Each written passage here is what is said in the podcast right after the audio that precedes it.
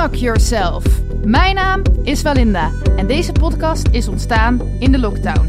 In deze podcast interview ik inspirerende mensen over hun levenslessen en wijsheden. Vaak zijn dit coaches, kunstenaars, muzikanten, creatieve ondernemers en mensen die de wereld willen verbeteren. Dus luister je mee?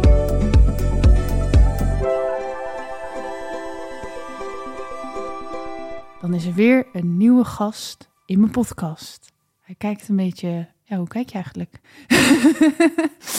Het is, wie ben je? Ik ben Henk Keizer. Mhm. Wil je nog meer weten? Of Ja, zijn wie, wie, wie is Henk? nou, dit was de podcast. Zo, dit is een lekker kort. Eh, wie ben ik? Wat, ik, ik? wat ik wel leuk vind als je me een beetje bevraagt op mijn eh, muzikale eh, ontwikkeling sinds mijn jeugd. Dat Mhm. vind ik wel leuk.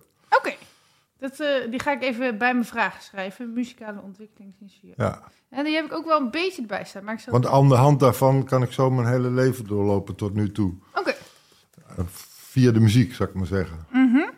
de- daar komen we dan zo. Maar eerst, waar kom je vandaan? Ik ben geboren in Nijverdal. Dat is eh, nog net in Twente. Overijssel dus. En daarna ben ik verhuisd, of zijn mijn ouders verhuisd naar Rekken. En Rekken, dat is aan de Duitse grens bij Eibergen. Mijn vader die werkte daar op de Rekkense inrichtingen. Eh, In de omgeving zeer bekend. En daarna zijn we verhuisd naar Deventer. Eh, na Deventer ben ik gaan studeren in Nijmegen. Vanuit Nijmegen ben ik gegaan naar Bokstel, Noord-Brabant. Van Bokstel ben ik gegaan naar Arnhem. Van Arnhem ben ik gegaan naar Amersfoort. Van Amersfoort ben ik verhuisd naar Oosterbeek. Oosterbeek ben ik eerst verhuisd naar Renen. Eh, eerst naar Wolfhezen, daarna naar Renen. Oh, dus eigenlijk kom je ook wel En een beetje van. Renen Ja. weer naar Deventer terug. En binnen Deventer, eh, en binnenkort ga ik zelfs Deventer ook weer verlaten en ga, ga ik in Wezepen wonen. Oké, dus je Nou, hebt een beetje. Oost-Nederland tour of zo. Tenminste, niet helemaal nou. Oost, maar het is ook niet eh, de Randstad. Ja, nee, precies. Nee, ik heb wel in de Randstad gewerkt, maar niet eh, gewoond. Oké, grappig. Eh, wat zijn als eerste plaats Nijverdal? Nijverdal. Dus daar ben je geboren. Ben geboren, maar daar weet ik niks meer van. Want mijn ouders zijn daar al vertrokken toen ik nog een baby was. Oké. Nou, dat was een hele... Daar komen we dan zo misschien weer op terug met, eh, met je instrumenten of zo, misschien. Ja.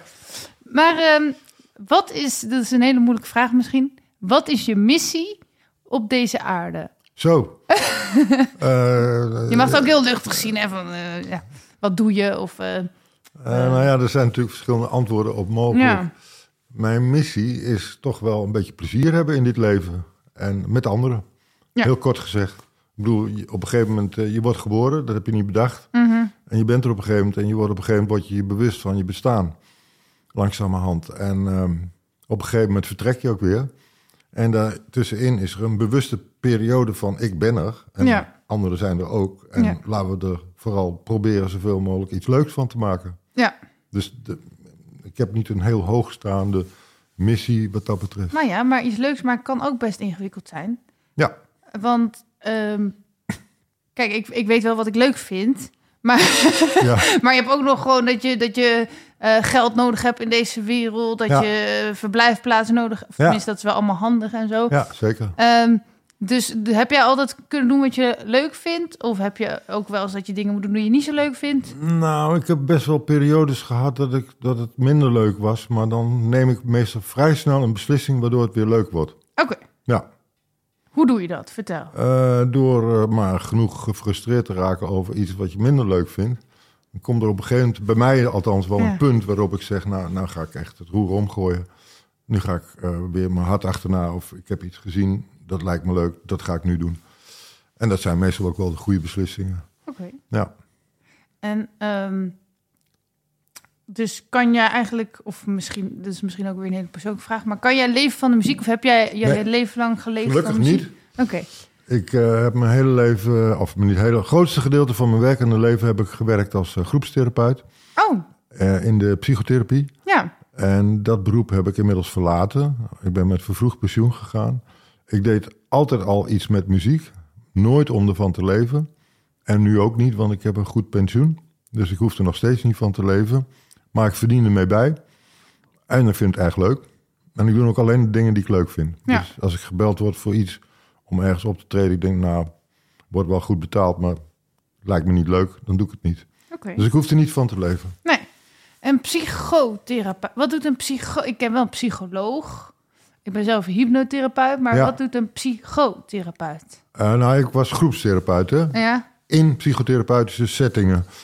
En eh, ik ben dus eh, maatschappelijk werker, inrichtingswerker, maatschappelijk werker. En ik heb alle vervolgopleidingen gedaan die eh, mij tot een groepstherapeut, annex sociotherapeut hebben gemaakt. En ja, dat heb ik jarenlang gedaan op verschillende plekken. Onder andere in het Derkse Centrum in Amsterdam, in Utrecht. En het grootste gedeelte van de tijd heb ik gewerkt in wat mensen in deze omgeving vaak wel kennen. Dat heette vroeger Veluweland in Edeveen. Eh, of Lunteren eigenlijk. En dat, heet, dat heette daarna Centrum voor Psychotherapie. Daar heb ik heel lang gewerkt. En eh, daar ben ik met vervroegd pensioen gegaan. En het Centrum voor Psychotherapie is ook met pensioen gegaan, want het is, meen twee jaar geleden, gesloten. Oké. En ehm, wat voor mensen kwamen daar? Zijn waarschijnlijk mensen met psychische klachten. Ja, Maar waren dat verslaafden? Of... nee, niet zozeer verslaafden. Vooral me- mensen die op enige wijze op, op meerdere levensvlakken vastgelopen waren. Ja. Geen echte psychiatrische problematiek, maar meer eh, ja, persoonlijkheidsproblematiek. Eh, heel veel mensen met een borderline stoornis en ook wel neurotische problematiek.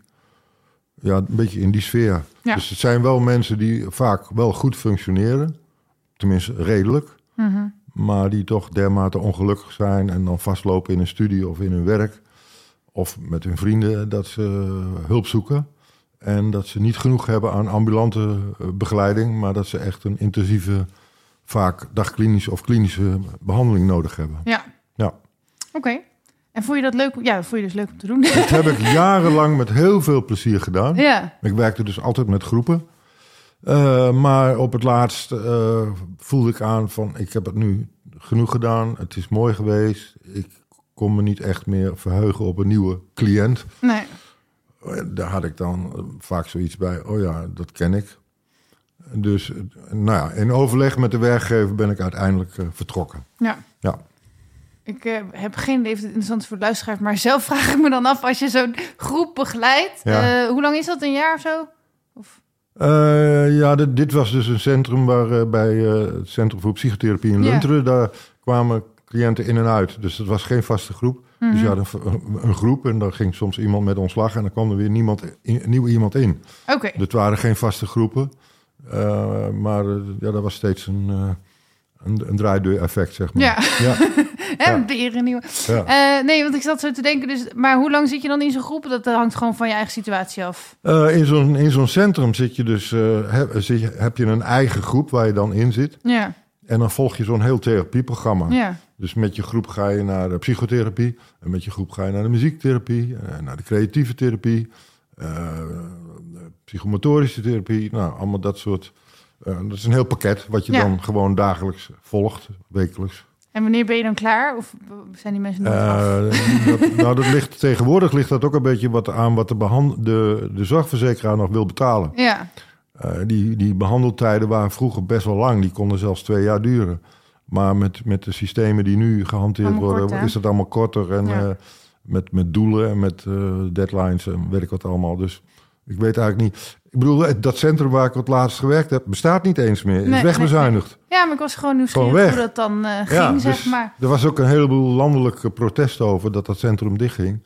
Want dat soort centra voor psychotherapie, die zijn er steeds minder in dit land. Ja, terwijl eigenlijk groepstherapie... Ik ben wel voor groepen. Ik denk wel dat je daarin heel veel steun bij elkaar vindt. Ja, maar. Dan kun je heel veel van elkaar leren. Ja. Je kan steun ervaren. Mensen met dezelfde ervaringen, op diezelfde punten vastlopen, noem maar Mhm. op. Zeker. Ja. Ja. Oké, jammer, maar goed. eh, ja. Eh, even kijken. Ehm, ja, we gaan naar de muziek. Oh ja, beter, beter. Het is toch even leuk om te weten wat je nog meer veel beter. Vanaf welke leeftijd speel je gitaar?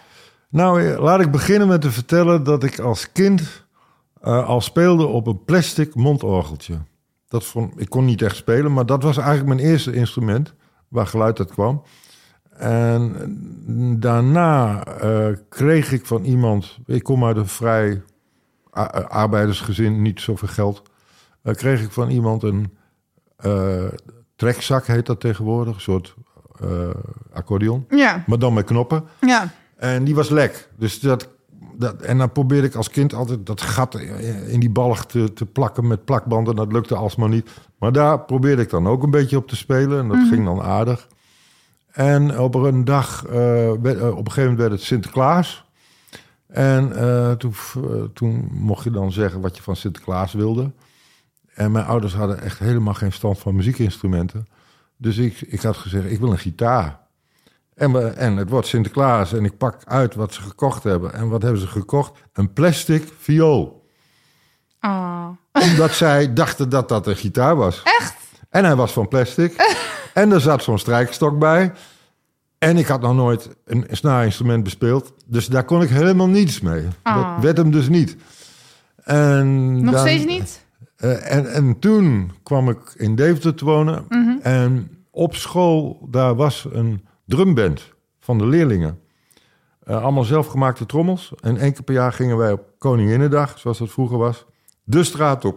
En dat vond ik geweldig. Drummen. In zo'n drumband. Dat vond ik erg leuk. En er was een, ehm, een leraar op school die zei... als er mensen zijn die gitaar willen leren spelen... dan kunnen ze eh, zich melden en dan kun je na schooltijd kom je naar me toe en dan neem je een gitaar mee enzovoort. Ik had helemaal geen gitaar, maar ik had een nicht en mijn nicht die had een witte gitaar gekocht ooit, wist ik. En ik wist ook dat ze er niks mee deed. Dus die heb ik benaderd en uiteindelijk heb ik die gitaar voor 10 gulden van haar gekocht. En daar ging ik mee naar die les. Maar ik kon er helemaal niks van. helemaal niks. En die leraar die heeft me ook niet wijzer gemaakt. En pas veel later heb ik me ge- gerealiseerd dat, dat, wit, dat die witte gitaar onbespeelbaar was. Ook voor de beste gis- gitarist ter wereld, want die snaren stonden veel te hoog boven de fretten. maar dat heeft mij niemand verteld. Dus daar strandde het weer. Oké. En toen... Die gitaar was eerst van je zus van je... Van mijn nicht van me. Oh ja. en die had kon er dus eigenlijk ook helemaal niet Nee, die heeft spelen. er nooit wat mee gedaan. Hij zat nog steeds in, in de verpakking. Aha. Nou ja, en toen eh, rond mijn twintigste, 1920, toen zag ik andere knapen in de hippie-tijd, was dat Mhm. echt. Toen Was je zelf ook een hippie? Ja, absoluut. Oh, lachen. Ja, absoluut. Eh, toen dacht ik, oh, een jongen die speelde dan nummers van, van, van Leonard Cohen en zo. En ik, oh, dat wil ik ook. En toen heb ik van mijn eigen geld een gitaar gekocht. En, oh ja, ik ben nog te vergeten, vergeten te vertellen dat ik ook nog door mijn ouders naar de muziekschool ben gestuurd. Daar heb ik twee jaar op zo'n blokfluit zitten kwijlen. Mhm. Heb, ik- ik ook gedaan vroeger. Heb jij ook gedaan? Ja. De bekende vooropleiding is dat? Ja. De bekende ik vooropleiding. had faalangst met mijn examen. Echt waar? ja, ik durfde niet te komen. Nee, je bent niet gegaan? Nee. Oh, wauw.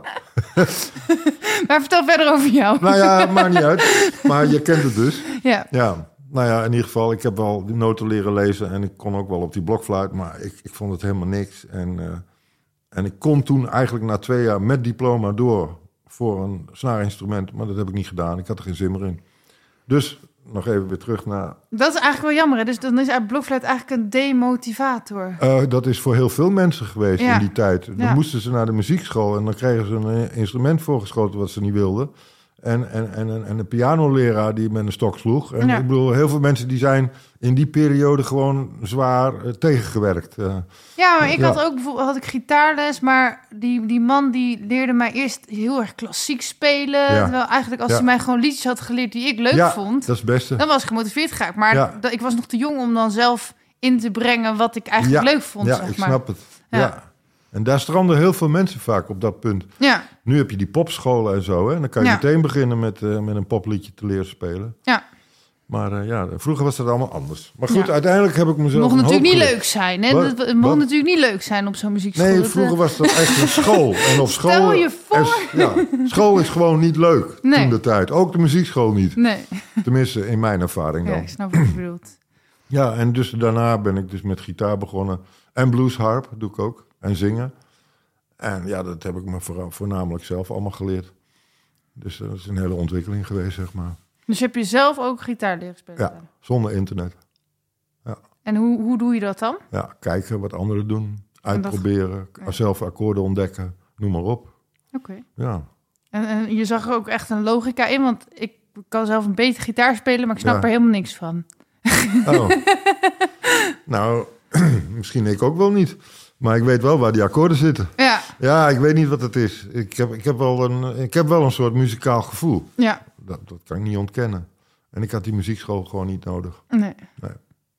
Echte motivatie komt van binnenuit. Ja. Oké. Ehm, en wat speel je nu nog allemaal voor instrumenten? Of heb je die nu allemaal genoemd? Eh, nee, ja, ik, eh, ik speel gitaar en ik zing. Dat is ook een instrument. Mhm. En eh, af en toe bluesharp. Daar ben ik ook aardig eh in Ik weet eigenlijk heel... Blues harp. Ziet dat uit als Eh, een harp? Nou ja, het is een mondharmonica, Oh. wat meestal mensen zeggen. ik maar zo'n harp het zijn me. hele specifieke monden. Het zijn hele kleintjes. Ja. Daar heb ik een hele, rits van. Oh ja. In verschillende toonsoorten. En ja, ja, die kun je dus bij sommige nummers inzetten. Eh, afhankelijk van de toonsoort. En dan kun je gewoon kiezen. Want Ik heb er, ik heb er nog zo'n heel rijtje van die dingen. Dat werd door Bob Dylan bijvoorbeeld gebruikt. Ja. En, eh, nou ja, dat soort... eh, ja. Lachen. Oké. Ehm, heb je nu al alles doornomen rondom je muzikale ontwikkeling wat jij bedoelde? Of wilde je daar nog iets anders over vertellen? Nou, er is nog één aspect en dat zal jou mogelijk aanspreken. Mhm. Eh, ik ontdek soms iets aan mensen zo- zonder dat ze dat gezegd hebben. Oké, vertel. En dat is me nu twee keer gebeurd. Ja. Eh, ik was een keer eh, bij een eh, muzieksessie in Trianon in Nijmegen. Mhm. En daar was het stampvol met mensen. En ik zag, terwijl ik zat te spelen, zag ik zo achter in de zaal zag ik, een jong stel staan. Tenminste, ik dacht dat zijn partners, een meisje en een jongen, jonge mensen. En ik had een gevoel van dat meisje kan zingen, of die vrouw die kan zingen. Dat voelde ik. Terwijl ik haar niet gehoord, ik kende haar niet, ik Nee. had haar ook niet gehoord. En ik stapte op een gegeven moment, toen we klaar waren, stapte ik naar haar toe. En ik zeg, volgens mij zing jij. Ja, ja, ja, zei ze. Ja, ja, ja. Ik zeg, ja, ik denk echt dat jij kan zingen. Dat denk ik. Ja, zei die vriend, dat klopt ook wel. En daar is een hele samenwerking uit voortgekomen. Zij kon inderdaad heel goed zingen. Ze had een zangles gehad en ze was gewoon... Nou, daar heb ik gewoon twee jaar lang mee, mee als duo mee opgetreden. Lachen. Maar ik heb haar dus op die manier ontdekt. Ja. Maar is, denk je dan dat dat... Is dat misschien eh, gewoon mensenkennis... omdat jij zoveel zangeressen hebt gezien... dat je ze gelijk herkent? Nee, Eh, of is Nee, het een, het is een spiritueel iets? ik denk, nou, spiritueel is misschien te veel gezegd... maar ik heb daar een bepaald gevoel voor wat ik zelf eigenlijk niet kan verklaren. Oké. En met haar heb ik dus twee jaar samengewerkt. Dus Lara Willems. Mhm. En die is vervolgens eh, naar San Francisco vertrokken. En die is haar, haar zangcarrière daar voortgezet. Oh, Die is dus weg. Ja, tenminste voor mij weg. ja. En met Danique eh, Scheer, waar Ja. ik op dit moment mee samenwerk, Ja, is precies hetzelfde gegaan. Mhm. Ik trad op in eh Gaia. Dat is een hotelrestaurant buiten Deventer, bij Ja. Diepenveen. En ik nam even pauze. En toen zag ik een fotograaf met een jong meisje of jonge vrouw. En die was die aan het fotograferen. Ik denk, wat is dit? Wat is dit nou? Maar goed, op een gegeven moment sprak ik dat meisje op dezelfde manier aan. Ik zeg, jij, volgens mij kan jij zingen. Ja, ja, ja, ja. ja. Zeg, Dat is nou, gewoon jouw openingszin. Nee, grapje. Ja, nee, maar eh, ja, bij haar in ieder geval. Dit was, dat is de tweede keer waarop het zo werkte. Ja. Ik zeg, ik ben hier binnen aan het optreden. Als jij zin hebt om een nummer te zingen, maakt niet uit wat, dan, eh, dan kom maar. Ja. Nou, nou ja, ze wist het niet. En nou, ja, een kwartiertje later of zo. Nou, die kan wel zingen. Dat heb ik al gehoord op Ja, en dan komt ze dus eh, erbij en we zingen een liedje. En dat is hartstikke leuk. En inmiddels zijn we dus sinds november vorig jaar een duo. En treden we op. Maar hoe verklaar jij dat je dat weet? Of is het gewoon elke vrouw die je aanspreekt? eh, zeg je ik, voel, ik voel dat ergens aan. Oké, Maar hoe, ik heb die, die dames, zou ik maar zeggen, Ja. ook niet eens horen spreken. nee. Dus ik zie alleen maar iemand. En je weet het. En ik zie het ook niet aan die mimiek of zo. Nee. Maar op een manier, ik, ik kan het niet verklaren. En heb je het ook niet flauw bedoeld, maar wel eens bij mannen gehad? Nee. Oké. Nee. maar dat is gewoon toeval. Nou ja, nee, dat is een goede vraag. De vraag is goed, het antwoord is slecht. Ja, slecht. Misschien zijn er ook wel meer vrouwen die überhaupt zingen natuurlijk. Het, het is wel sneller een vrouwelijke interesse. Eh, ja, dat is zeker. Ik Ja. heb ook wel eens met een man opgetreden die goed kon zingen. Maar die heb ik niet op die manier ontdekt. ja. Oké. Ja, mij heb je denk ik al horen zingen of niet? Ja, ja, Anders zeker. kon ik vragen, denk jij dat ik kan zingen? Ja, nee, dat, eh, dat eh, wist ik al. Ja. Nee, bij, bij jou gaat die vliegen niet meer op. Jammer. Anders konden we het testen. Ja. Misschien moet je een keer met zo'n eh, een soort van tv-programma meedoen. Van, je had ook zo'n tv-programma van ik wed dat ik het kan of zo. En Ah, dan ja, dat ja. je gewoon allemaal vrouwen op een rijtje krijgt. En Ja. dan moet jij raden of ze kunnen zingen of niet. Oh ja, dat en dan daar geld op zetten. Ja, ja. nou, maar dit, dit is iets wat ik niet zomaar in kan zetten. Dit, dit, dit gebeurt gewoon, Gewoon, dit is twee ja. keer gebeurd. En misschien het, gebeurt het eh, nooit meer, weet nee. je wel. Het is, het is, Maar wel van alsof het voorbestemd is dat je ze moest kennen eigenlijk. het lijkt er wel op. Want Danique zegt ook steeds van... ik snap dat helemaal niet hoe jij wist dat ik eh, Ja. ook zing. Ja. Dat sna- ik, ik zeg, ik ook niet. nee. Nee, Ja, ik heb ook wel van die bijzondere dingen meegemaakt in mijn dat leven. dacht met ik al, ja. Hoezo dacht je dat dan? nou ja, omdat je wel een beetje in die sfeer zit ook. Van, van eh, ja. spirituele dingen en zo. Ja, klopt. Ja, ik had... Oh ja, dat was een keer... ehm, maar goed, toen was ik... eh, er was een kunstproject in het centrum van Ede. Mhm, En ik had een lange jurk aan. En ik ging gedichten voorlezen aan mensen. ja. Ehm, dus op zich is het misschien ook wel helemaal niet zo heel bijzonder. Want ik ging aan iedereen die ik tegenkwam een gedicht voorlezen. Maar er stond opeens een jongen buiten. En ik had echt zoiets van... Ja, die moet ik echt dit gedicht voorlezen. En toen eh, ja, deed ik dat. En toen bleek Ja. dus dat hij eh, journalistiek had gestudeerd, maar afgestudeerd was op poë- poëzie, zeg Zo. maar.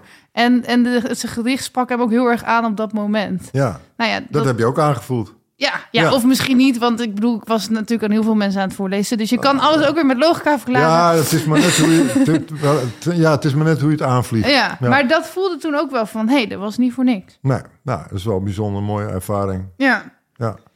Ehm, waar houd je je verder nog allemaal mee bezig wat je niet hebt genoemd? Jeetje. Nou, eh, er staat nu een verhuizing voor de, voor, de boer, voor, de, voor de deur. Dus daar ben ik nu wel even druk mee. Ja. Is dat je Ehm, hobby?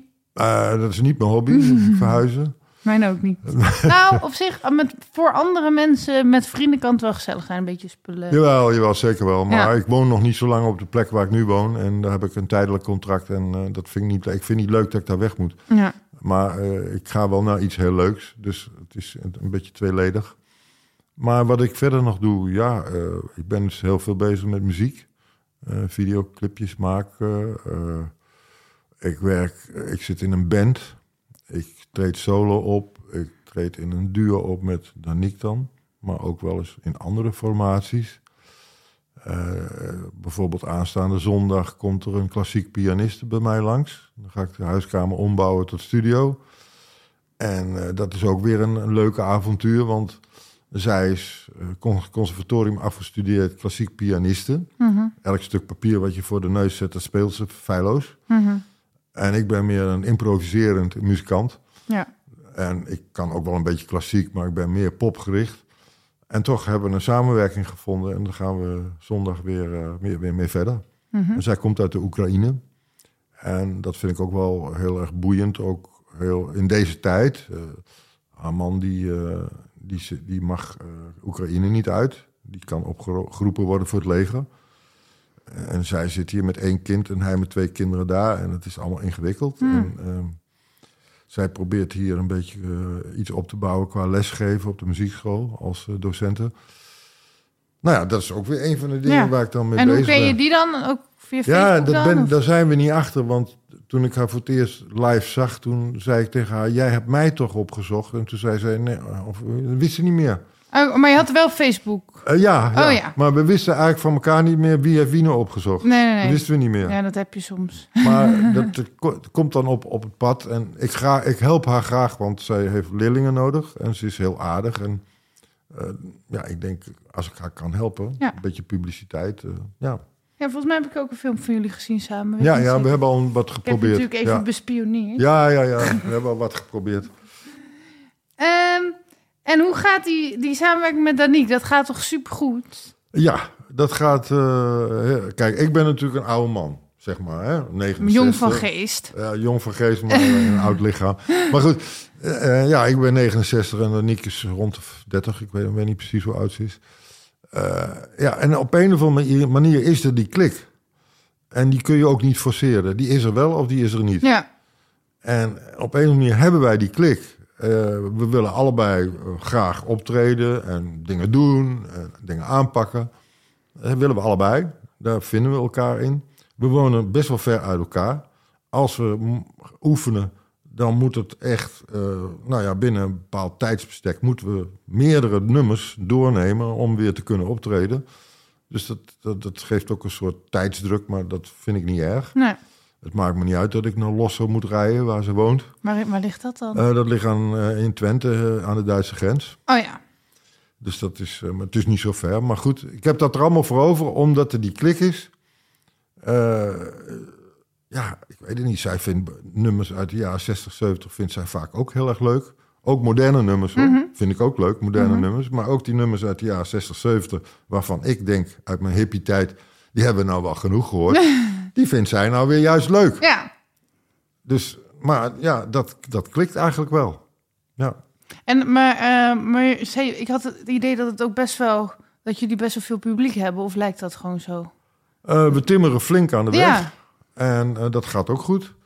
En het is een soort sneeuwbal. Hè? Dus die, die bal die pakt onderweg steeds meer, van de heuvel af steeds meer sneeuw. Ja. En dat verspreidt zich. En mensen horen ons en zien ons optreden, vragen om een kaartje. En ja, van het ene komt het andere, radio-interview. eh, ja, van, van alles en nog wat. eh. en daarnaast heb ik gewoon ook mijn, mijn solo-carrière. Want ik bedacht in de auto nog, ik denk met Danique is wel erg, heel erg leuk eigenlijk. Al dat, hoe het allemaal gaat. Ja. Maar ja, vandaag, morgen gebeurt er iets en dan stopt ze ermee of kan ze niet meer. Of je, je weet nooit wat er kan gebeuren. En dus ik hou mijn, laat ik mijn solo carrière hou ik ook in stand. Ja, zeg ja, maar. Zo van, dat is mijn, ook mijn En veiligheidsklep. dan treed zeg je maar. op als of gewoon... Eh, als ik gewoon, ik, ik, ik speel van alles en nog wat. Ik, ik zing, ik, ik speel allerlei nummers. Eh, ik entertain een beetje, eh oude boel een beetje, een beetje eh, lollig. Ja, Ja, dat doe ik ook. leuk. Ja, Ik hoop eh, dat ik ook nog zo ben. Als, ja, dat klinkt net alsof je echt al 100 bent. Maar, maar toch, je weet natuurlijk niet hoe... Ik weet niet hoe ik ben als ik 69 ben. Misschien ben ik dan wel een verzuurd... Nee, je kan eh, ook achter de geranium Ja. gaan zitten, maar eh, ze krijgen mij voorlopig niet achter de Nee, geranium. je ziet u nog... ik bedoel, ik zat al nog voor, de, voor een streekradio een, een nieuwe nummer te zingen. Ja. Ken En, je veel mensen van jouw leven die wel achter de geranium zitten? Ja, die, die zie je natuurlijk niet. Maar nee, ik bedoel van... niet tegen. maar ik bedoel meer van dat je mensen van vroeger tegenkomt en dat je denkt, nou, die heeft wel, eh, die is Nee, echt bejaard, zeg ik maar. kom eigenlijk alleen maar die actieve tegen. Ja, ik ken één iemand die ik van vroeger ken die van mijn leeftijd is en die Parkinson heeft gekregen. Oh ja. En dat is wel even schrikken. Ja, Ja, maar de meeste die ik, eh, die ik ken van mijn leeftijd, die zijn ook juist nog heel actief. ja, En dat zijn vaak mensen ook in de muziekwereld. ja. Ja. Dus muziek houdt je jong. Eh, muziek houdt me jong en muziek eh, eh, levert ook heel veel sociale contacten op. Ja. Dus dat is echt mijn wereldje. Iemand Ja. anders is misschien voetbalfanaat en die heeft daar zijn wereldje. Mhm. En ik heb mijn muziekwereld, zeg maar. Nee, maar ik hoop Ja. dat, dat je eigenlijk bijna een soort wetenschappelijk bewijs had dat muziek ons jong houdt, zeg maar. Eh, kijk, als ik helemaal... Ik, zou, ik vergelijk het vaak met een, een speeltuin, een zandbak. Ja, Eh, ik wil graag eh, een kasteel bouwen, zeg maar. En ik, en ik kom iemand tegen, en het maakt niet uit wel- welke leeftijd... die wil ook graag een kasteel bouwen. En dan spreken we af... hey, leuk, we gaan samen een kasteel bouwen. En soms stort dat kasteel meteen weer in. Mhm. Jammer. Maar soms is er zo'n geweldige klik dat er een prachtig kasteel uitkomt. ja, En ik zie dat dus eh, het muziek maken en zeker ook met anderen. En dan maakt het niet uit hoe oud je bent. Eh, is spelen Ja. in, de, in de speeltuin. Ja. En eh, dat kan heel erg leuk zijn. ja. Ja, ik Ja. heb ook met allerlei leeftijden samengespeeld, zeg. Ja, jij kent dat. Ja, Ja. het maakt niet uit eh, hoe oud je bent. Nee. Oké. Ehm, hoe omschrijf je jouw levensstijl? Heb je daar een naam voor? In de hippie-tijd zou ik zeggen seks, drugs en rock and roll. Ja, nog steeds? Nee, in de hippie-tijd zou ik Ja. zeggen. Hash roken. Nee. Maar doe je dat nog? Als je Nee, nee, roken? nee, nee. Oké. Nou, nee, nee. Ik heb het jaren terug nog wel eens een keer geprobeerd, maar dat spul is zo sterk tegenwoordig. Ik, ik ben er meteen ziek van. Nee, nee, nee, nee. Die, die tijd is voorbij van alcohol en drugs. Dat, eh, Ja. Ik rook nog wel hoor, moet ik Mhm. eerlijk zeggen, maar dat is dan ook het enige. Nee, ik, eh, levensstijl, mm, eh, gedreven, eh, beetje prestatiegericht. Ja. Ehm, ook af en toe wel weer denken van, waar doe ik dat allemaal voor? Ja. En dat weet ik dan ook nog wel. Ehm, ik had vroeger een docent, die eh, was ontwikkelingspsycholoog. En die zei op een gegeven moment: Het belangrijkste in het leven is de glimlach boven de wieg. En ik begreep dat toen niet meteen. Maar later ben ik erover na gaan denken. De glimlach boven de wieg. Daar gaat eigenlijk het hele leven over. Mhm. Dat is in alle fases van je leven ontzettend belangrijk dat je het idee hebt dat er iemand blij wordt van jouw aanwezigheid. Ja. En het maakt niet uit wat je doet. Of je nou werkt of weet ik veel, in het park loopt. Als iemand je begroet of even naar je glimlacht. eh, of even ja, iets waardoor je het gevoel krijgt... hé, hey, blijkbaar zijn er mensen die het leuk vinden dat ik er ben. Die worden vrolijk van mij of gelukkig van mij. Of er zijn er ook die ongelukkig van me worden, maar goed. Maar dat is een beetje, eh, voor mij is dat een beetje een leidraad geworden. De glimlach boven de wieg is in alle levensfasen heel erg belangrijk. Heb je wel eens, ehm, niet dat dat moet of zo hoor, Nee. maar mijn liedje Mooi gehoord toevallig? Een wat? Mijn liedje, dat heet Mooi. Heb je die wel eens gehoord? Volgens mij heb ik wel eens voorbij laten komen, maar Want- ik hoor zoveel ja, dat snap ik... ik. Ik, ja, ik neem ik je niet kwalijk, maar ik Nee. heb voor hetzelfde gehad te zeggen, ja, gisteren nog. daar ging het Ehm, over, daar gaat nou, dat liedje over. Eh, ja, die, die, ik zing dus ook van met niets was je alles, nog steeds ben je alles, zeg maar. Ja, dus het, eh, ik zeg altijd, kruip in de feutshouding en luister ernaar helemaal ontspannen. Van als, als baby ehm, wordt voor de meeste mensen in ieder geval, natuurlijk als je in Afrika Ja. wordt geboren is weer anders misschien, ja. maar wordt er van je gehouden eh, zonder dat je er iets voor hoeft te doen. ja, dat klopt. Maar dat is toch jammer. Liefde heet Ja, dat. Ja. maar het is toch jammer dat we het eigenlijk tegenwoordig als muzikant moet je er toch nog wat voor doen, zeg maar. ja, daar heb je helemaal gelijk in. Het is toch een soort, eh, als het dan gaat om eh, drugs... Ja, is het een soort zinloze, heilloze weg om iets binnen te halen voor jezelf. ja, Want het applaus wat je soms krijgt, en dat krijg ik natuurlijk ook wel, ja. Eh, dat daarvoor, daarvan wordt mijn eigenwaarde eigenlijk niet groter. Nee. Ik geniet er wel van, Mhm. maar dat is eh, het moment. Ja. Maar mijn eigenwaarde wordt niet groter doordat ik applaus krijg voor wat ik allemaal doe. Mhm. Dat, is toch, dat werkt toch anders. Ja. Dat gaat meer om mensen die blijkbaar mij erg de moeite waard vinden. En ik ook, hen ook. Ja. En dat is dan eigenlijk. En daar hoef je niks voor te doen, eigenlijk. Alleen Nee. maar te zijn. Ja, maar goed, als je bijvoorbeeld vrienden hebt en je zou helemaal nooit meer iets voor je vrienden doen, bijvoorbeeld, Oh ja, nee. dan nee. raak je je vrienden wel weer Ja, kwijt. nee, nu eh, komt het op een ander vlak. ja, maar dit vind ik wel interessant. Ja, Want ik weet dus niet of ik wel in onvoorwaardelijke liefde geloof, behalve dus als je die baby bent en dan het helemaal wordt vertroeteld. ja, ja, nee, ik snap jou. ik Maar snap jou. ik, nou, dat vind ik ergens ook wel Nee, sneu. op een gegeven moment word je groter en eh, Ja. je, je kritisch vermogen neemt toe. Ja, En je neemt eh, ook de, de, de kritisch vermogen van je ouders, dat integreer je ook nog eens een keer. En dan kan het zijn dat je zowel kritisch wordt op je eigen manier van doen als op die van anderen. En Ja. dat kan een hoop verpesten. En dan is er geen onvoorwaardelijke liefde meer. nee, Dat, dat, dat klopt wel. ja, Dus dat is, eh, nou, als je, maar als je goed. Ik, mijn ervaring is in, in relaties die wel eens slecht liepen of zelfs afliepen, Mhm. ehm, is dat je, eh, als je je realiseert ehm, waar je eigen tekortkomingen zijn Mhm. En eh, waar, je, ja, waar je bottlenecks zitten qua eigen gedrag of je, je beweegredenen in een relatie enzovoort, dan, eh, dan word je daar ook wel weer rijker van. ja, Want je, je komt de mensen tegen, is mijn opvatting, in je leven die je blijkbaar in die levensfase nodig hebt. eh, in jouw bestaan. ja, script, zoals dat vroeger heette in de transactionele analyse.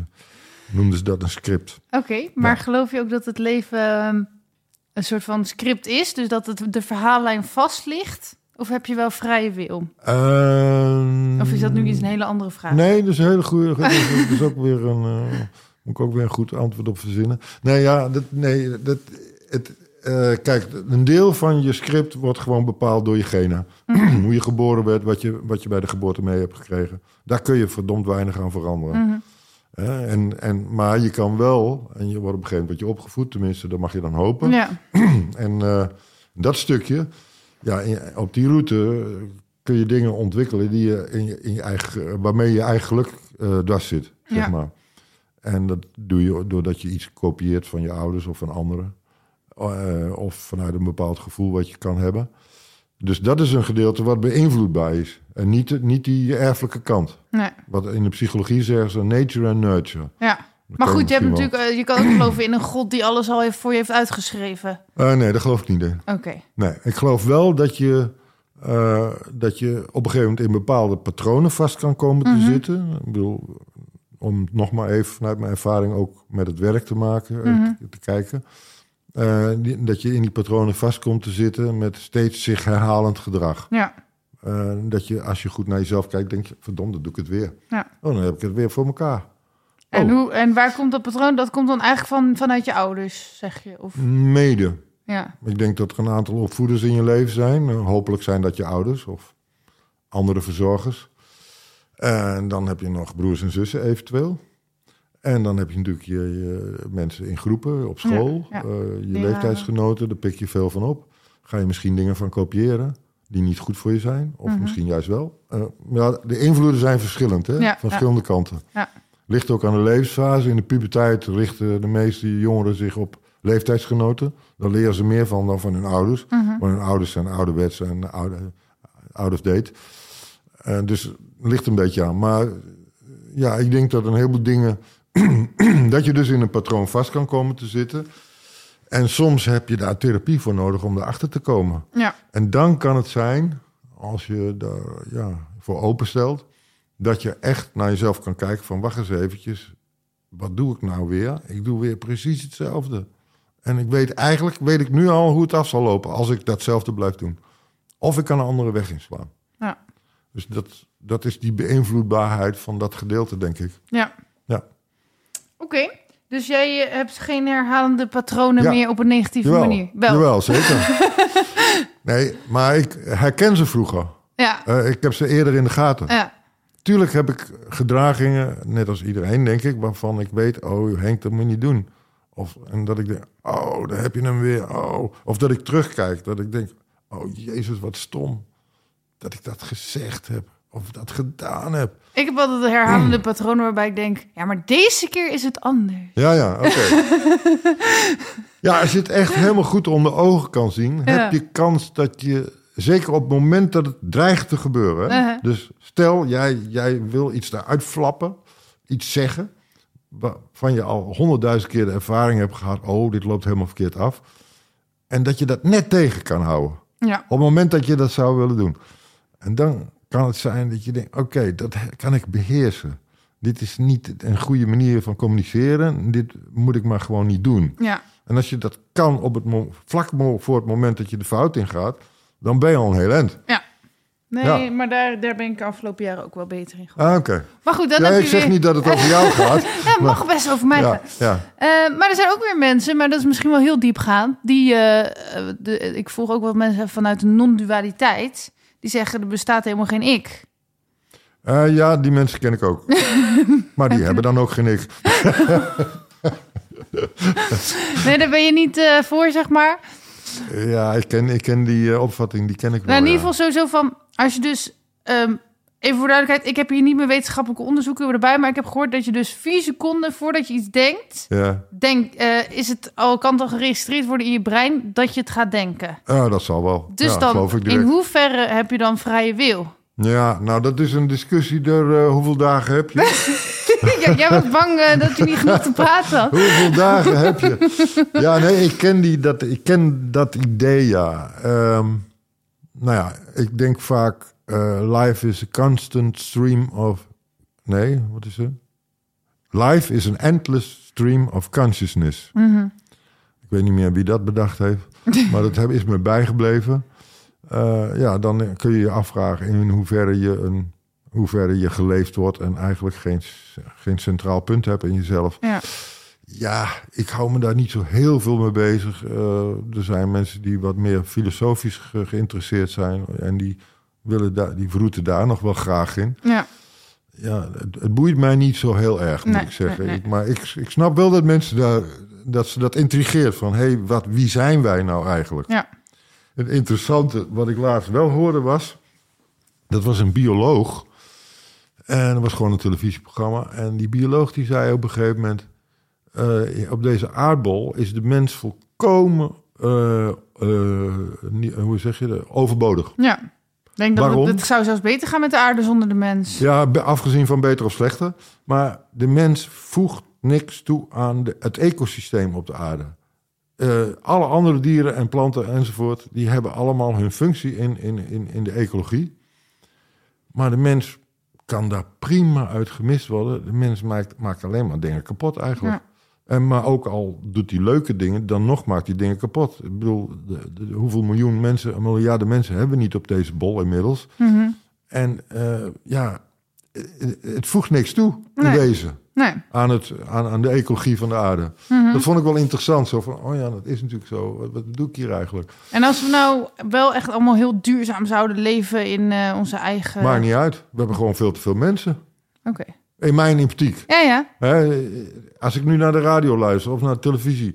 Elk product is tegenwoordig zogenaamd duurzaam. Ja. En waarom? Nee, maar ik heb het echt over... Stel je voor, we zouden een eigen hutje op de, in, in de jungle bouwen... Ja. en zelfvoorzienend leven, zeg maar. Dan, Nou, dan dat ben is je... helemaal prima. Zo Ja. is het ooit, ooit ook een beetje begonnen. Ja. Maar niet met miljarden mensen. Nee, nee, dat, Dat kan niet. We Nee. hebben niet genoeg jungle voor. Maar goed, die mensen zijn dan misschien... Die dragen dan misschien wel wat bij... of in ieder geval maken niet... Die vervuilen misschien minder. Nou, die, die, die, ja, die hebben een kleinere voetafdruk, zoals dat heet. Ja. Ja, nee, dat is zo. Maar dan nog, mijn opvatting is... Geen meerwaarde van de mens. Ja, precies. Kijk, mijn opvatting... Ik heb, ik heb op de Kleine Aarde in Boksel gewerkt. Ik weet niet of je dat meegekregen hebt. Eh, je zei wel dat je in Boksel had gewoond. Ja, maar- nee, ik heb daar gewerkt aan, aan een milieuproject. Ja. Dus was ik een van de pioniers, de Kleine Aarde in Boksel. Daar deden we al aan methaanvergisting. Daar deden we al, hadden we al een windmolen, daar hadden we zonnecollectoren. Al die dingen, wat nu heel nog gewoon is, deden we toen al. Ja. In de hippie-tijd. Ja. En toen werden we versleten voor compleet, compleet krankjorum. Dat we daarmee bezig waren. Biologische eh, groentes verbouwen, granen enzovoort. Deden, daar was ik ook bij betrokken. En eh, ja, dat was toen... Daar werd toen naar gekeken. Zo, die zijn gek, een stelletje hippies. Eh, Het gaat er nergens over. Nou ja, je weet wel hoe het nu is. En waar ik me aan kan ergeren is... allerlei bedrijven die de hele tijd roepen... dit is milieubestendig en dit is duurzaam. Het is allemaal nep-uitspraken die alleen maar bedoeld zijn... om de aarde nog verder naar de kloot Ja. te helpen, zeg maar. ja, en vooral gewoon om zelf meer geld te verdienen. Juist, Ja. ja. Maar eh, even kijken, terugkomend op jouw vraag. Wat was Ik weet zelf mijn Nou, niet meer. iets- iets, in ieder geval ja. over duurzaamheid. Dat je in hun, in- Ja, of dat, of dat dan de, Ja, de, boel zou kunnen redden. Ja, Nou, ik denk het niet. oké. Ik denk dat er gewoon... Alle problemen op deze aardbol komen eigenlijk voort uit dat er veel te veel mensen op deze bol Aan wonen. dat bestaan. Ja, Dus eigenlijk dus als- dus- iedereen wil een lamp aan, Ja, iedereen wil een microfoon, iedereen wil een podcast opnemen. ja ik voel me onschuldig. Ja, nee, ik beschuldig je nergens van. Maar het is wel zo. Ja. En dat geldt ook voor mij. Ja. Ik, ik doe ook wel bepaalde duurzame dingen, maar ik weet tegelijkertijd dat we met zoveel mensen op Dus deze... eigenlijk kunnen we z- wel stoppen met verduurzamen. Dat heeft toch geen zin? Of... Eh, het helpt een beetje, Oké. denk ik. Maar het is niet... Het, het, het basisprobleem is gewoon veel te veel mensen. En er komen Ja. er nog steeds veel meer bij. En, En, als je nou verplicht ehm, mensen gaat zeggen dat ze geen kinderen meer mogen, dat is nee, best daar ben ik niet heftig. voor.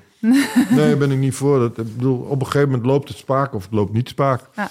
Ja, Hey, je hebt nu vier keer genoemd dat je uit de hippie-tijd komt. ja. Ik voel me van binnen altijd een hippie. ja dat dacht dus ik al. ben best wel... Ja, vind je mij een hippie? Ja, ja. ik voel dat wel. Ja, ja. Eh, dus ik ben best wel jaloers dat jij uit de echte hippie-tijd komt. ja, ik vind wel dat ik daar uitkom. Ja. dus wil je me vertellen hoe dat was of zo? Hoe was dat? Nou, heel lang haar, een baard en een snor. Uh-huh. Ik had rood haar vroeger.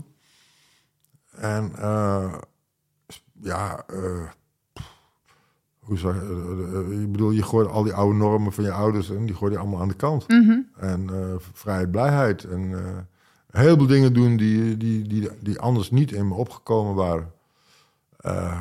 Wat moet ik daarover zeggen? En dat is nog... Ja, misschien durf je niet veel in de details te treden, maar wat voor Nou, dingen zagen dat? Als wij, ik woonde toen in een groep, in een soort leefgroep. Ja, En dan riep iemand in de zomer om een uur of elf, jongens, we gaan zwemmen.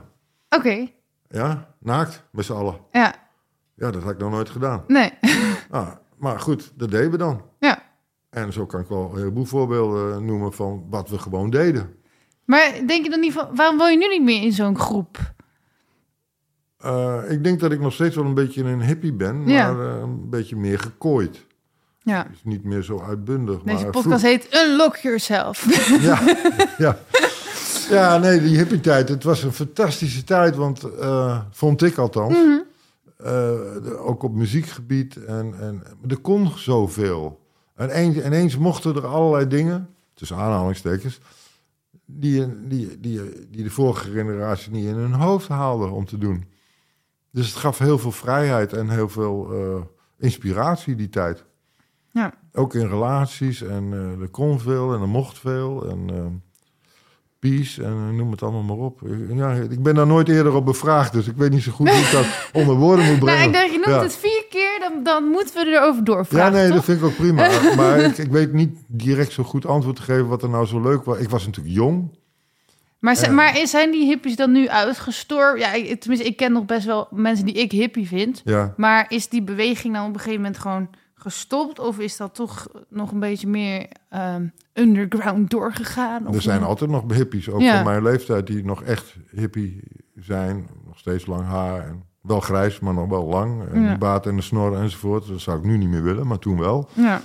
Eh, ja, er zijn natuurlijk wel mensen die nog een beetje in die sfeer leven. Ja. En ik maak jongeren mee, zoals blijkbaar jij ook Mhm. bent. Die jongere mensen, Mhm. Eh, die een enorme hang hebben naar die hippie-tijd. Ja. Die hadden eigenlijk in die tijd willen, willen zijn geboren. Ja. Ja. echt. Lara Willems was er ook een van. Dat was echt een hippie. ja. Eh, die wilde, die wilde en ze is niet voor niks naar San Francisco vertrokken, want Mhm. daar kan je dat ook nog een beetje beleven. Eh, dus die denken, potverdorie, je bent te laat geboren. ja. Ja, Of we Dus gaan gewoon een hippie-revolutie starten. ja maar, de- maar die, die hippies heb je er nog steeds, dus van allerlei leeftijden. De Ja. echte en degene die het proberen na te streven. Nee, maar goed, wanneer ben, Ja. wanneer ben je een hippie dan? Ja, dat, wauw. Wanneer ben je een hippie? Dat kun je niet worden, denk ik. Nee, sowieso is het ook weer een hokje. Maar eh, Ja, ik denk niet dat je dat kan worden. Je, je- je, hebt die drang in je naar vrijheid of niet. Een goed voorbeeld van iets wat ik deed in die tijd, schiet me nu te binnen. Eh, ik ging vaak wandelen. En dan liep ik in een bos in mijn eentje. En dan stond er ineens een bord. eh, privé, eigendom, huppelde pup, enzovoort. Oké, ik loop gewoon door. En dan kwam ik een, een soort boswachterachtig type tegen.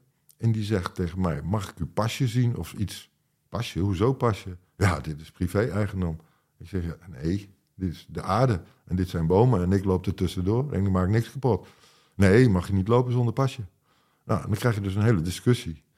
En dan ben ik dus een hippie op dat moment en ik loop door. ja. Ik trek me niets aan van dat mannetje in dat eh pakkie. Mhm. Als voorbeeld. En als nu iemand in jouw tuin loopt? nou, kunnen ze moeilijk bij, staat een schutting omheen. maar ik vind een tuin wat anders dan een heel bosgebied bezitten. Ja, ja, ja. Echt waar. ja. Dat vind ik wel wat anders. Dat is natuurlijk eigenlijk bizar dat, dat mensen met veel geld gewoon kunnen zeggen... dit stuk, dit hele grote stuk aarde, dat is, Is van mij. voor mij, ja. En dan mag je alleen maar in als je een pasje hebt. Nou, dat is een beetje dat hippie gevoel van... bekijk het even, vrijheid, blijheid. Ik mag hier gewoon lopen. Ik heb voor mijn werk heel veel in hotels geleefd. Ja, Eh, maar dan ook door heel Nederland, zeg Ja. maar. Dus soms was ik echt eh, elke dag in een ander hotel... of soms Ja. een hele week in dezelfde plaats. En toen dacht ik ook van... nou, eigenlijk ben ik gewoon rijker dan een miljonair. Want een miljonair of een miljardair... die heeft eh één of een paar villa's. Mhm. Ja. Maar die mag dan alleen... Ja, mag niet, maar die heb je dan. Dus dan Ja. ga je alleen naar die locatie. Ja. En ik dacht, ja, ik kan nu in principe overal heen. En ik kom overal en ja... Had je nog wel een eigen stek, een eigen woning? Ja, dus ik had en gewoon een eigen woning en dan eh, door de week zat en door je werk zat je overal in hotels? Oké, En dan kreeg je een lunchpakketje mee, ja, ja, ja, ja, ik ken het wel een ontbijt, beetje. Ja. avondeten. Ik dacht, nou, ik, vind, ik voel me helemaal rijk. Ja.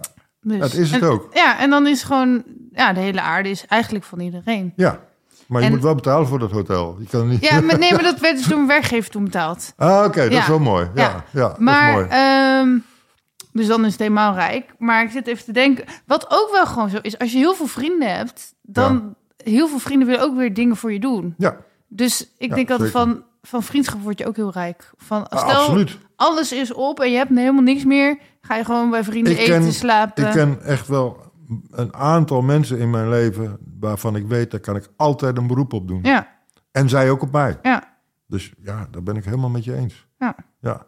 Maar in dat kader, je hebt het over hotels. ja.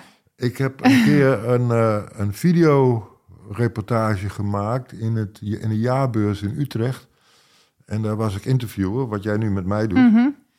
En daar kwam ik, eh, dat was een eh, congres van de transactionele analyse.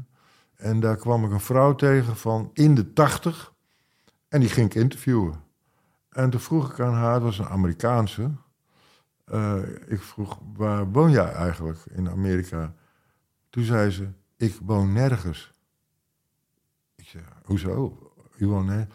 I live in the world. Ik zeg, oké. Wat dan? Hoezo? Ze zegt, ik had een huis in Amerika, dat heb ik verkocht. Ik heb mijn spullen allemaal weggedaan. En ik leef over de hele wereld. Ik ga van hotel naar hotel, van land naar land. Ja. Wel In de tachtig, hè? Zo, dat is een hippie. Nou, ik merk ook wel, eh, in coronatijd zat ik meer hier, zeg maar. En eh, eh, ja, uiteindelijk geeft een vaste plek ook wel rust of zo. Ja, ja. tuurlijk. ja. Ja. Nee, maar veel reizen is leuk, maar periodes van één vaste plek hebben ze ook fijn. Ja, natuurlijk. en zeker als je wat ouder wordt. Ik denk dat ik in die zin dus wel minder hip- hippie ben geworden. Ja, Eh, dat ik, eh, eh, ja, ik wil toch wel gewoon mijn vaste stek hebben. En ik merk nu maar wel- ook gewoon met al je spullen de hele tijd slepen. Zo Ja, hoeft niet nee, veel precies. spullen te zijn, maar het is wel irritant. Ja. Zeker. Ja. Zeker nu ook, want ik woon daar nog niet zo lang waar ik nu woon. En ik ga dus weg omdat ik iets voor vast kan krijgen. Ja, Maar liever had ik helemaal niet weggegaan, joh. nee. Maar weer, weer een verhuizing. Ik heb er helemaal geen zin in. Nee. Alles weer inpakken. Ik heb sommige dozen nog niet eens uitgepakt. En die hoef ik ook niet uit te pakken, want ik moet alweer naar de volgende stek. Ja. En dat is, als je wat ouder wordt, niet meer zo leuk, hoor. Nee. Je maar jong- ik heb verhuizen in principe nooit echt leuk gevonden hoor. Nee, Wel gewoon soms gezellig met vrienden, maar... eh, ja. ja. Maar vroeger was ik al, ook nog één voorbeeld van een hippie. En dan Ja? hou ik erover op, Ja. want je vroeger zo na. je mag, eh, je Eh, mag ik- nog zes minuten doorpraten over de hippie tijd. Eh, ik was, het was een keer, toen was ik in, woonde ik in Bokstel. ja, Er waren vrienden op bezoek. En er zaten een paar Fransen bij. En ik had toen geen vaste bezigheden op dat moment. En toen zeiden die Fransen, die zeiden... ja, we rijden vanavond terug naar Frankrijk, naar Parijs. Whatever. Ik zeg, mag ik mee? "Eh, ja. Ja. Ik zeg, oké. En ik heb een tasje gepakt. Wat spullen erin, wat kleren. En ik ben meegegaan en ik heb een tijd in Frankrijk gewoond. In Parijs en in de Champagne-streek. Eh, ik ben daar een hele tijd geweest. Ik sprak op een gegeven moment redelijk vloeiend Frans. Ik droomde in Frans. Eh, totdat ik het daar zat was, en vooral in Parijs. Want ze zeggen altijd Paris s'éveille. Maar Parijs wordt nooit wakker, want die gaat ook nooit slapen. altijd. Gigantische herrie. ja. Dus op een gegeven moment ben ik weer teruggegaan. Maar die beslissing van Oh, het ene doen we moment even. op het andere. Ja. Maar, ehm, nu ga ik even moeilijk do- lopen doen, zeg maar. Eh, had je geen werk in Nederland? Nee, ik was toen gestopt bij de Kleine Aarde. Ja. En ik zat eventjes in een uitkering. Oh ja. Dus ik kom weg. ja. En dan, eh, waar verbleef je dan? Bij hun in een huis? Eh, ik verbleef bij een vriend. Die had ook weer een heel bijzonder werk. Zijn werk was het om... Was dus een Fransman. Ja. Eh, Zijn werk was het om het op te passen op huizen van mensen... die daar voor langere tijd weg waren naar het buitenland. Dus hij wipte van het ene huis naar het andere. Allemaal van die hele grote villa's in, Ja. de, bu- in de buitenwijken van Parijs. En daar heb ik dan ook wel vertoefd en daar sliep ik ook. En dat waren dan mensen. En, hij mocht de auto van die mensen ook gebruiken. Maar hij, werd ervoor betaald. Maar Ja. hij moest het huis bewaken, zeg maar. Ja. Maar En hij had altijd wel een huis. Het was niet zo van... hij eh, had meerdere huizen die hij bewaakte. Oké, lachen. En daar kreeg hij geld voor. dat was zijn werk. Ja. Ja, leuk. Ehm, ik wil al bijna afronden, maar nu zit ik een beetje... Wat ga ik nou nog vragen? Want ik heb nog zoveel leuke vragen. Zie, dus dit is mijn probleem. Ik, ik wil altijd veel te lang. je wilt heel veel weten. Ehm, nou, dan heb ik toch nog een beetje van Jesse van... Dat je dus aan mensen, aan dames kon zien dat ze goed konden zingen. Ja, En dan voelt het, voelt het toch een beetje het voorbestemd. is maar twee keer voorgekomen. ja, dat klopt. Ja. Maar ehm, je zei, je gelooft niet echt in een god. Waar geloof je dan wel in als het gaat om spiritualiteit of, of een, een stroming? En er was een keer, toen ik in de psychotherapie werkte, was er een jonge vrouw van 21 als cliënte opgenomen. En die had zich al ingeschreven bij de Vereniging voor Euthanasie. Die wilde dood. Althans, die had, was dat traject begonnen. Mhm. En die had eh, behoorlijke problemen. En wij wandelden een keer, liep ze naast mij en toen, zei ze tegen, toen vroeg ze aan mij: Henk, wat is de zin van het leven? En toen zei ik tegen haar, ik wist, ik wist het natuurlijk niet, Mhm. maar ik zei: De zin van het leven is dat jij mij deze vraag kan stellen En dat ik er geen antwoord op heb. Dat is de zin van het leven. Mhm. Nou ja, hij zei "Mm." Dus ja, ik weet dat niet. Ik ben niet gelovig.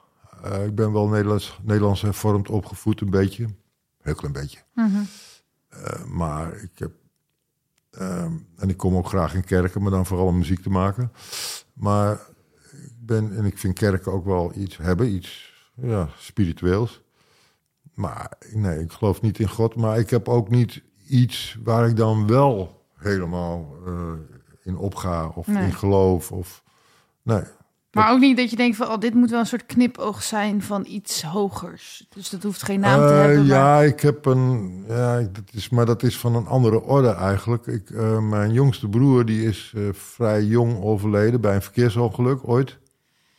En eh, ik ben natuurlijk een Twent en ik ben hartstikke nuchter, zeg maar. Mhm. Maar sinds zijn overlijden en wat er zo daarna is gebeurd, heb ik het idee dat ik op een bepaalde manier nog contact met hem heb. Hm.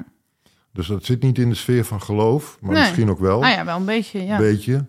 En eh, soms hou ik me daar helemaal niet mee bezig. Maar er zijn vaak momenten dat ik denk... oh, er gebeurt weer echt zoiets wat daar weer mee te maken heeft.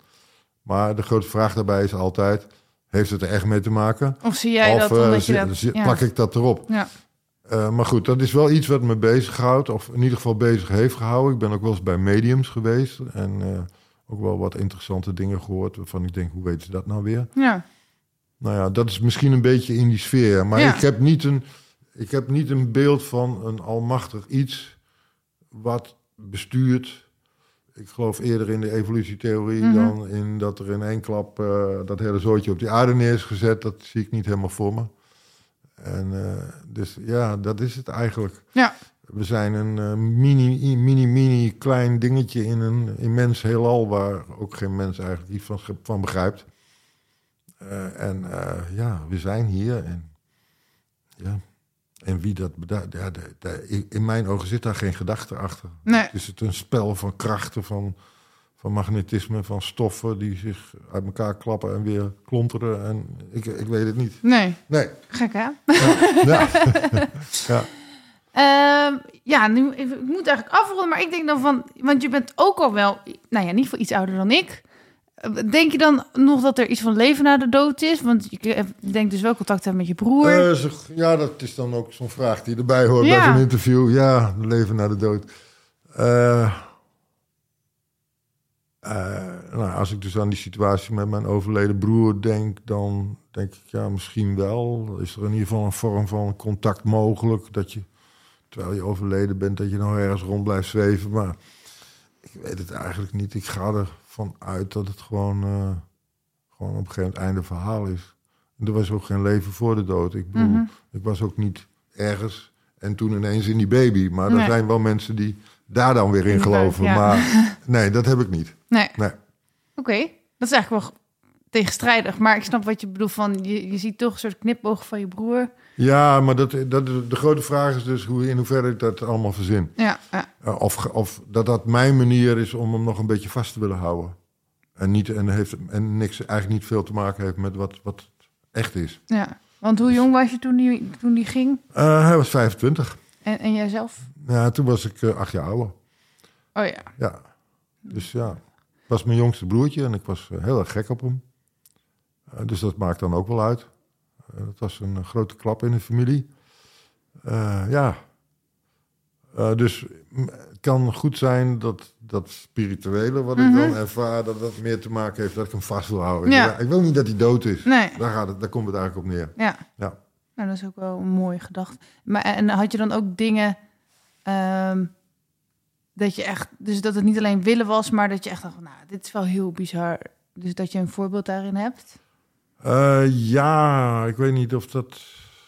Ik heb daar wel een. Maar dat wordt een beetje te intiem. Dat wil ik liever niet vertellen. Nee. Er zijn een aantal dingen gebeurd, zeker rondom het overlijden van mijn broer. eh, waardoor ik niet, ineens die nuchtere Twent niet meer was. Ja. Waardoor ik ineens dacht: wow, hier zijn krachten aan het gang. Die eh, kan ik even niet verklaren. En die zijn heel erg heftig. Ja. Zonder erop in te gaan Ja, verder. ja. Ja, dat, ja. En dan heb je zoiets van, als ik doodga, dan zien we wel of zo.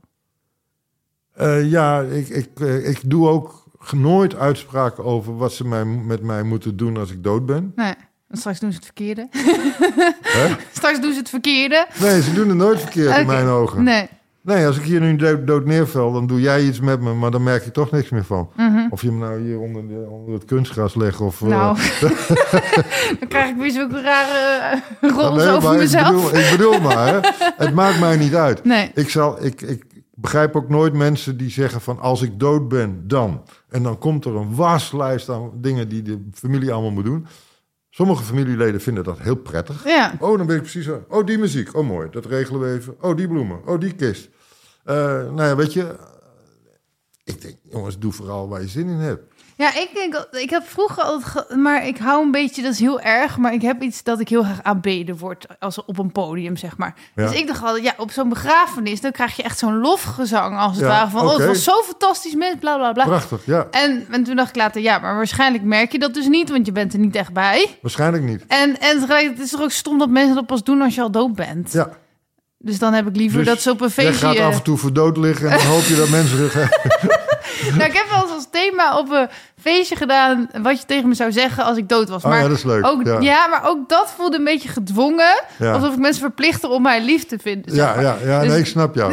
Ja, interessant. Heel, heel interessant. Dus ik dacht, nou, eh, laat me gewoon, je moet gewoon waarderen als je, als je wel een complimentje Maar krijgt. het is wel leuk om zo'n soort begrafenis te, te organiseren. Ja, daar kun je ook nog een heel leeft. bedrijf in beginnen. Er zijn mensen die, die dat in China en zo doen. Ja? Ja. Ja, oké. Zullen we dat doen? Ja, nee, ik hou op met muziek maken. We hebben een heel nieuw traject Ja, dat kan ook aangeboord. met muziek. Kan ook met muziek. Dus nee, dat, nee dat, laat die muziek maar. Dit is commercieel ook zeer interessant wat ik hier hoor. Niet doorvertellen. Nee, nee. Niet, eh, wist dit maar uit de podcast. Ja, Oké, eh, nou, afronden dus. ja. Ik kan hier echt nog uren over doorpraten trouwens, want ik vind het heel interessant. Maar goed, anders moeten we nog een tweede deel. Eh, pu- pu- pum. Ja, dan hebben we dus als laatste drie vragen. En daar houdt het dan ook echt mee op, hè? Oké. Ik doe mijn best. Ehm, hoe wil jij herinnerd worden als je dood? Dus je hebt eigenlijk geen wensen daarin. Of wat, wat hoop je dat mensen zeggen van die jou hebben gekend? Of misschien wat hoop je wat mensen nu over je zeggen? Eh, Wauw, Eh, ja. Op televisie zeggen ze dan altijd een moeilijke vraag. Maar de vraag is niet moeilijk, het antwoord is moeilijk. Ja, Ehm, ja. Wat hoop je dat mensen over mij denken of zeggen? Nou, ik vind het wel prettig als mensen over mij denken en weten ook dat ik heel gevoelig kan zijn. En eh, eigenlijk ook een heel klein jongetje ben in een groot mannenlijf. Mhm. eh, die heel gevoelig is voor bepaalde dingen. En dit kunnen dingen zijn waar anderen niet zo blij mee zijn. Het kunnen ook dingen zijn wat ze heel erg leuk aan me vinden. ja. Dus ja, een beetje dat, denk ik. Dus Ja, dat ze zien, dus dat ze over jou zeggen dat, ze, dat je gevoelig bent. Ja en dat ik ook, als, als ik me vertrouwd voel, ook makkelijk open ben over wat mij zo be- beweegt. Ja. Ja. Oké. Ehm, wat is je laatste wijsheid die je de luisteraars nog zou willen meegeven over het leven? Nou, ik, had ze al, ik heb eigenlijk alles al eruit gegooid, geloof ik. Ehm, laatste wijsheid. Ik zeggen, zwijgen is eh, goud. Eh, nou, ik las pas ergens iets. Er stond eh, van... als je iets vertelt, dan vertel je eigenlijk al wat je al weet. Zo- Ja. dus zoals in dit interview ook. Wat ik jou vertel. nee, 95% ervan is voorgekookt. Wist ik al. Is, heb ik paraat. Maar ik heb iets nieuws geleerd over de hippie-tijd. Maar goed, ja. Ja. dus dat, dat aan één kant. En, de, en, en die, dat gezegde, dus ook weer een of andere boeddha die dat gezegd Mhm. heeft, geloof ik of zo. Die zegt, als je luistert kun je nieuwe dingen leren. Ja. Maar niet als je zelf de hele tijd aan het oreren bent. Ja. Ja, Dat is altijd een goeie. dus eh, dat geef ik dan maar even mee. Maar ik heb, het is niet van mezelf. Nee. Eh, eh, Herman van Veen, van Veen heeft het ooit heel mooi gezegd. Alles wat ik heb, heb ik van een ander. Ja. Alleen het kippenvel is van mezelf. Ja, want zelfs nieuwste ideeën, dat zijn altijd oude ideeën samengevoegd. Ja. hey, stel mensen hebben jou nodig. Wat eh, moeten ze dan doen? Waar, waarvoor? Ligt Nou, eraan wat ze doen, wat ze, wat ze met me willen. hey Henk, eh, ja, nee. Ze willen met je postzegels verzamelen. Nee, nou dat doe ik niet aan mee. Ik hou niet van postzegels verzamelen. nou, als gitarist zou het natuurlijk kunnen. Ja. Eh, we, hebben net een nieuw bedrijf ontwikkeld. Dat is. eh Ja. dat Ja. kan ook nog. Of misschien willen ze nog wordt begraven waar u bij bent. Ja, Als therapeut gok ik dat je, dat je niet meer wil. Of wel? sorry? Als therapeut gok ik dat je niet meer wil. Nou, kijk, als therapeut heb ik natuurlijk geleerd, ook door de opleiding, om over mezelf na te denken. En mijn beweegredenen. Daar heb ik ook een scriptie over geschreven.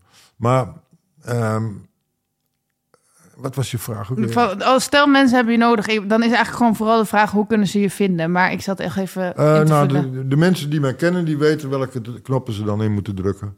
Om mij, om mij eh, eh, binnen te halen. Ja, maar u, je hebt. Waarom ga ik nu opeens u Het zeggen? kan een klusje zijn. nee, je mag nog steeds je zeggen. Ik bedoel, je hebt geen website of iets waar mensen heen kunnen mailen als ze nu denken van we willen meer over die man weten. Of Oh, op die manier bedoel Ja. je? Een soort reclame. Ja. Nou, ik zit op Facebook, Henk Keizer Artist. Mhm. Ik doe ook af en toe iets op Instagram, maar niet zoveel. Eh, ik heb een nummer geschreven over de sociale media... waar ik dus gisteravond mee voor het tevoorschijn bij ben gekomen op streekradio. Leuk. Dat heet Pien in Dak. Mhm. En dat maakt dat hele sociale media gedoe compleet belachelijk. Terwijl ik er zelf ook Ja. volop gebruik van. Dus Ja. Zo dubbel als de pest. Maar goed, daar had ik gewoon zin in. Eh, maar eh, ja, ik ben overal met mijn naam Henk Keizer... ben ik overal te vinden op het internet. Zelfs mijn telefoonnummer. En ik heb er geen last van. Sommige mensen zouden dat absoluut niet willen. Maar ik, ik, heb, ik heb er helemaal geen last van. Nee, heb ik ook niet. Eh, ik, krijg er nooit, ik heb er nooit problemen door gehad. Ik sta overal op YouTube, eh, you name it. Mhm. En ik ben dus als soloartiest in te huren voor al uw feesten en partijen. Eh, met, eh, en een duo met Danique Scheer, Henk en Danique. Eh, ja, dat is het wel zo'n beetje. Eh, mensen kunnen iets verzinnen en bel mij. En misschien kunnen we iets leuks tot stand brengen. Nou, wij gaan ook nog even muziek maken, toch? Ja, Oké. oké. Bedankt voor het gesprek. Oké, dankjewel Belinda.